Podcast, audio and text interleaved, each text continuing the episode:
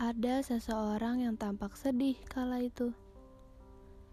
Dia hanya merenung di tepi kamarnya sambil melihat ke arah jendela yang terbuka. Dia sengaja, sengaja agar bisa melihat ke arah luar rumahnya. Kesepian. Iya, dia merasa kesepian. Padahal dia mempunyai banyak teman yang bisa diajak bertemu tapi dia memutuskan untuk sendiri. Namanya Awan Rahadian, seorang lelaki yang populer di sekolahnya. Tubuhnya tinggi. Dia memiliki wajah tampan yang akan membuat setiap anak perempuan terpesona jika melihatnya.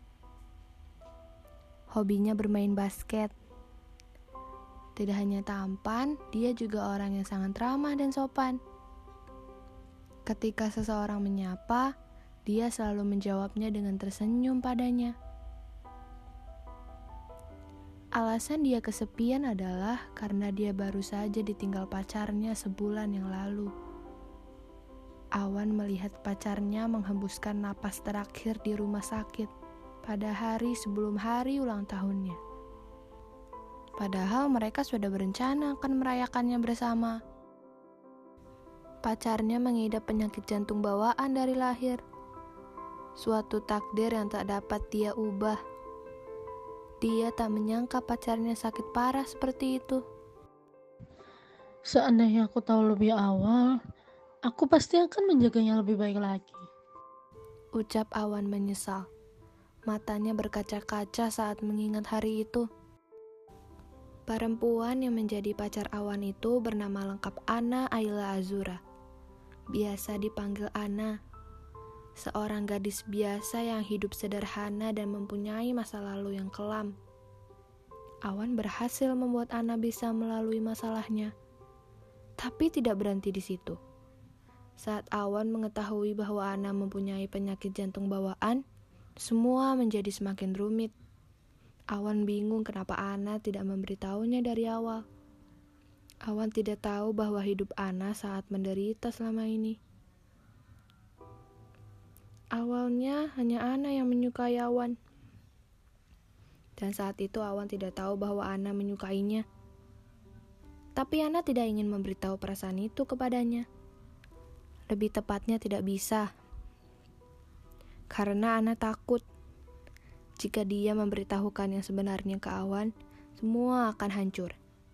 Persahabatan mereka akan hancur Ana tidak siap kehilangan sahabat sekaligus orang yang amat dia sayang. Ana takut dia tak bisa lagi berkomunikasi dengan Awan. Ana ingin selalu dekat dengan Awan. Ana merasa tenang saat ada di dekat Awan. Karenanya Ana bisa kembali semangat untuk menjalani hidup yang kejam ini. Ana membutuhkan Awan untuk bisa menjalani hidupnya. Tapi walaupun begitu, Ana tidak bisa memiliki Awan ia hanya bisa berterima kasih kepadanya. Ana merasa Awan memang bukan ditakdirkan untuknya. Dia hanya hadir sebentar untuk mengobati luka pada hati Ana. Ana merasa bahwa dia sudah jatuh hati pada orang yang salah. Harusnya Ana tidak pernah jatuh hati dengan lelaki itu. Sebenarnya apa maksud dari semua ini? Tapi Ana tidak dapat berhenti. Pada pandangan pertama, dia sudah jatuh hati pada lelaki itu. Ana juga awalnya tak sadar kenapa tiba-tiba dia bisa jatuh hati pada lelaki seperti itu. Suatu hari Awan mengetahui perasaan Ana, dan Awan juga menyadari bahwa dia juga suka dengan Ana. Awan pun mengajak Ana pacaran. Harusnya sih senang, tapi tak lama setelahnya Awan mengetahui semua rahasia kelam yang selama ini Ana simpan sendirian. Padahal Ana bisa cerita pada dirinya. Tapi kenapa tidak? Sejak Awan mengetahui Ana sakit, Awan menjadi lebih peduli padanya. Setiap pagi Awan selalu pergi ke sekolah bersama Ana. Bahkan di sekolah, Awan selalu duduk di sebelah Ana. Karena Awan, Ana selalu terlihat ceria setiap hari. Ketika akhir pekan datang, Awan sering mengunjungi rumah sakit yang merawat Ana. Terkadang dia juga menghabiskan malam di sana. Mereka selalu menghabiskan waktu bersama dengan jalan-jalan di taman dekat rumah sakit. Awan sangat senang bisa membahagiakan Ana. Ana yang dirawat di rumah sakit mengharuskan Ana untuk izin tidak masuk sekolah, sedangkan Awan tetap bersekolah di hari biasa. Awan yang baru saja pulang sekolah tiba-tiba dikejutkan dengan hal yang tidak terduga. Awan, Teriak Ana lantang dari kejauhan. Awan yang kaget dengan teriakan itu langsung menengok ke arah belakang. Ana, kok kamu di sini? Tanya Awan keheranan. Dia kan harusnya di rumah sakit. Kenapa ada di depan rumahku? Gumam Awan dalam hati. Awan berlari menghampiri Ana, lalu menanyakan pertanyaan bertubi-tubi. Kamu kok di sini? Bukannya harusnya kamu ada di rumah sakit. Kalau nanti sakitmu makin parah gimana? Ayo aku antar balik ke rumah sakit. gak mau. Aku mau di sini aja. Aku bosen di rumah sakit. Suasananya nggak enak. Aku lebih baik di sini sama kamu. Lagian kan rumah sakit dekat sama rumah kamu. Jadi aku bisa balik kapan aja. Ya sudah deh, tapi kali ini aja ya. Ayo kita ngobrol di taman dekat rumahku saja. Ujar Awan pasrah menghadapi sikap Ana. Ana langsung semangat mendengar perkataan Awan lalu segera menggandeng tangan Awan. Ayo, kita pergi ke taman. Mereka pergi ke sebuah taman di sekitar rumah Awan. Lalu duduk di kursi coklat yang terletak di pinggir taman. Angin sepoi-sepoi membuat rambut Awan dan Ana berterbangan. Udara saat itu sangatlah menenangkan. Apalagi keadaan langitnya sedang cerah dan penuh awan-awan berwarna putih. Lihat ke atas sana, aku ada banyak. Kamu ada banyak. Maksudnya? Masa kamu gak ngerti sih? Itu di langit ada banyak sekali awan-awan. Oh, iya. Bagus banget ya awannya. Bagusan mana sama awan yang ini? Tanya Awan penuh harap sambil menunjuk ke diri sendiri. Ana langsung menjawab sembari menunjuk ke atas langit. Pastinya bagusan awan yang di atas sana dong. Jelas-jelas bagusan awan yang inilah. Ucap Awan sambil menunjuk ke diri sendiri lagi. Dia cemberut, kesal dengan jawaban Ana. Ana langsung tertawa melihat wajah Awan saat kesal. Ana merasa senang bisa menjahili Awan.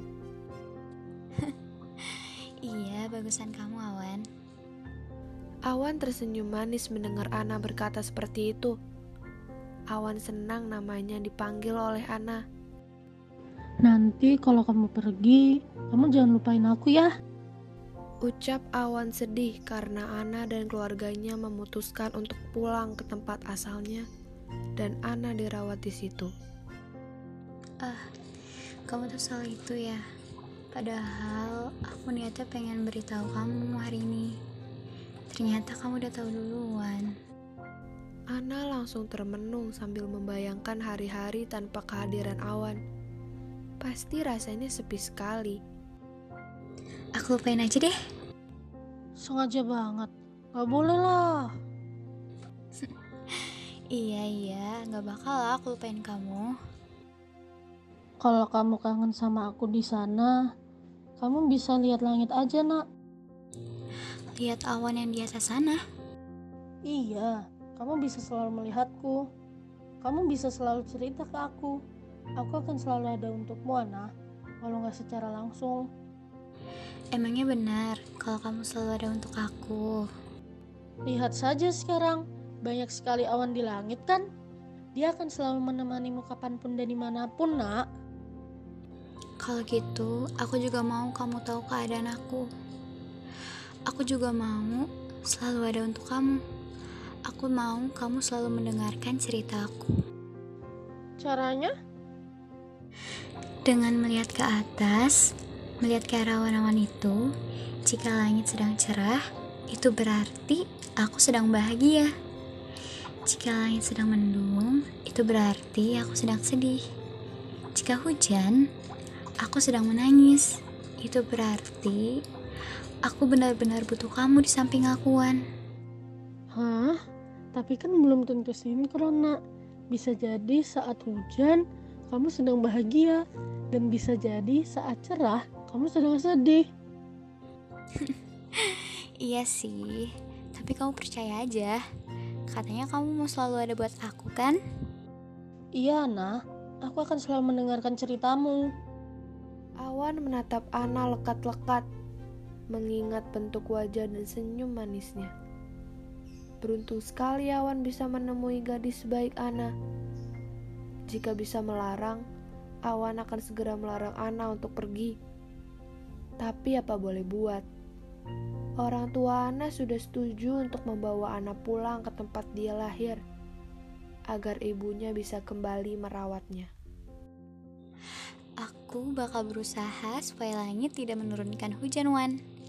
Aku bakal berusaha supaya langit tetap cerah. Gak usah terlalu dipaksain, nak. Yang penting kamu nyaman di sana. Aku di sini selalu doain kamu. Cepat sehat ya, cantik. Makasih ya, Wan. Selalu ada buat Ana. Kamu yang selalu ada buat aku, Ana. Awan di atas sana ya selalu ada buat kita. Beberapa minggu setelahnya, Ana bisa mulai sekolah kembali sebelum pulang ke tempat asalnya. Dia memutuskan untuk menghabiskan akhir tahun di Jakarta, tentunya bersama Awan. Tak lama setelah Ana kembali bersekolah, hal yang tidak terduga terjadi. Ana tiba-tiba terkena serangan jantung dan segera dibawa ke rumah sakit terdekat menggunakan mobil dari pihak sekolah. Awan yang melihat Ana seperti itu langsung panik dan minta untuk ikut ke rumah sakit. Awan langsung menghubungi orang tua Ana karena dia mempunyai nomornya. Awan yang gemetar hampir saja menjatuhkan ponselnya. Dia takut terjadi apa-apa pada Ana. Saat sampai di rumah sakit, Ana segera ditangani oleh dokter. Awan dan beberapa guru di luar ruangan sangat khawatir akan keadaan Ana. Awan benar-benar takut Ana akan pergi meninggalkannya. Setelah beberapa lama, dokter pun keluar ruangan. Gimana kondisi anak murid saya, dok? Tanya wali kelas Ana dengan perasaan khawatir. Awan yang sedari tadi berdoa di pojok kursi langsung berdiri dan menghampiri dokter yang ada di depan ruangan tersebut. Kami mohon maaf yang sebesar-besarnya. Kami sudah mencoba yang terbaik, tapi Tuhan berkata lain. Anak murid Anda tidak dapat diselamatkan. Dia sudah meninggal dunia. Ucap dokter itu dengan nada pelan dan bersalah. Inna lillahi wa inna ilaihi roji'un. Ucap semua yang ada di sana. Mereka tampak sedih mendengar berita kematian itu. Bagaimana keadaan Awan? Dia sangat terpukul. Dia terdiam mendengar perkataan dokter tadi. Apakah barusan adalah kejadian yang nyata? Apa Ana benar-benar meninggal? Apa Ana benar-benar tidak dapat diselamatkan? Apa penyakit Ana benar-benar separah itu hingga menjadi seperti ini? Dia merasa Ana baik-baik saja saat keluar dari rumah sakit. Wajah Ana tampak bahagia. Apa terjadi sesuatu tanpa sepengetahuan awan? Orang tua Ana datang. Sahabat Ana dari kecil, Caca Putri Amanda juga datang. Semua histeris. Tangisan terdengar di mana-mana. Tapi tidak dengan awan. Dia terdiam di pojok ruangan, merenungi apa yang baru saja terjadi. Dia merasa bahwa ini pasti mimpi. Tidak mungkin Ana meninggalkannya duluan. Tidak mungkin Ana pergi secepat itu. Awan melihat Ana dari luar ruangan. Dia melihat Ana terbaring diam di ranjang ruangan itu. Tidak bergerak sedikit pun. Awan hanya bisa terdiam di tempat seperti sekarang. Tidak ada lagi yang bisa dia lakukan. Sudah hancur semua angan-angannya akan Ana. Dia merasa sangat sesak. Dia pergi dari situ karena sudah tidak sanggup akan apa yang terjadi tadi. Dia tak sanggup lagi rasanya menjalani hidup. Apa jadinya hidup kalau tidak ada Ana? Apa yang harus Awan lakukan kalau tidak ada Ana? Keluarga Ana mengadakan pemakaman. Pemakamannya berada di dekat rumah Ana. Jadi sewaktu-waktu keluarganya bisa mengunjunginya. Ibu Ana datang. Ibu kandung Ana yang sudah lama tak Ana temui itu datang. Ia menangis histeris di depan kuburannya. Sedih karena tak sempat bertemu dengan anaknya itu. Ibu Ana menyesal karena tidak bertemu dengan Ana lebih cepat, agar bisa bertemu dengan anaknya sebelum ajal menjemput. Awan dari kejauhan hanya menatap kuburan Ana dia masih tak percaya Ana sudah pergi terlebih dahulu. Padahal Awan belum sempat membahagiakannya. Dia lebih sering menyakitinya. Kalau saja Awan tahu Ana akan pergi secepat ini, maka Awan akan lebih meluangkan waktu lagi bersama Ana. Setelah semua orang pergi dari pemakaman itu, Awan menghampiri kuburan Ana. Dia menatap kuburan tersebut dengan tatapan yang sedih, lalu menangis terseduh-seduh di atas nisan kuburan tersebut. Ana, kenapa kamu pergi cepat sekali? Aku masih mau bersamamu. Aku masih mau membahagiakanmu. Masih ada yang harus kulakukan untukmu, nak. Awan tak bisa menahan tangisnya di hadapan kuburan Ana. Tangis yang selama ini dia tahan akhirnya dia keluarkan. Perasaan yang selama ini mengganjal di hatinya telah hilang bersamaan dengan tangisnya. Awan tetap berada di pemakaman sampai sore. Dia tak sanggup beranjak pergi dari situ. Awan tidak ingin Ana sendirian. Tapi apa boleh buat? Hari sudah mulai malam, mengharuskan Awan untuk segera pulang ke rumah. Awan berdiri lalu menatap kuburan Ana Orang yang sangat dia sayang itu sudah pergi.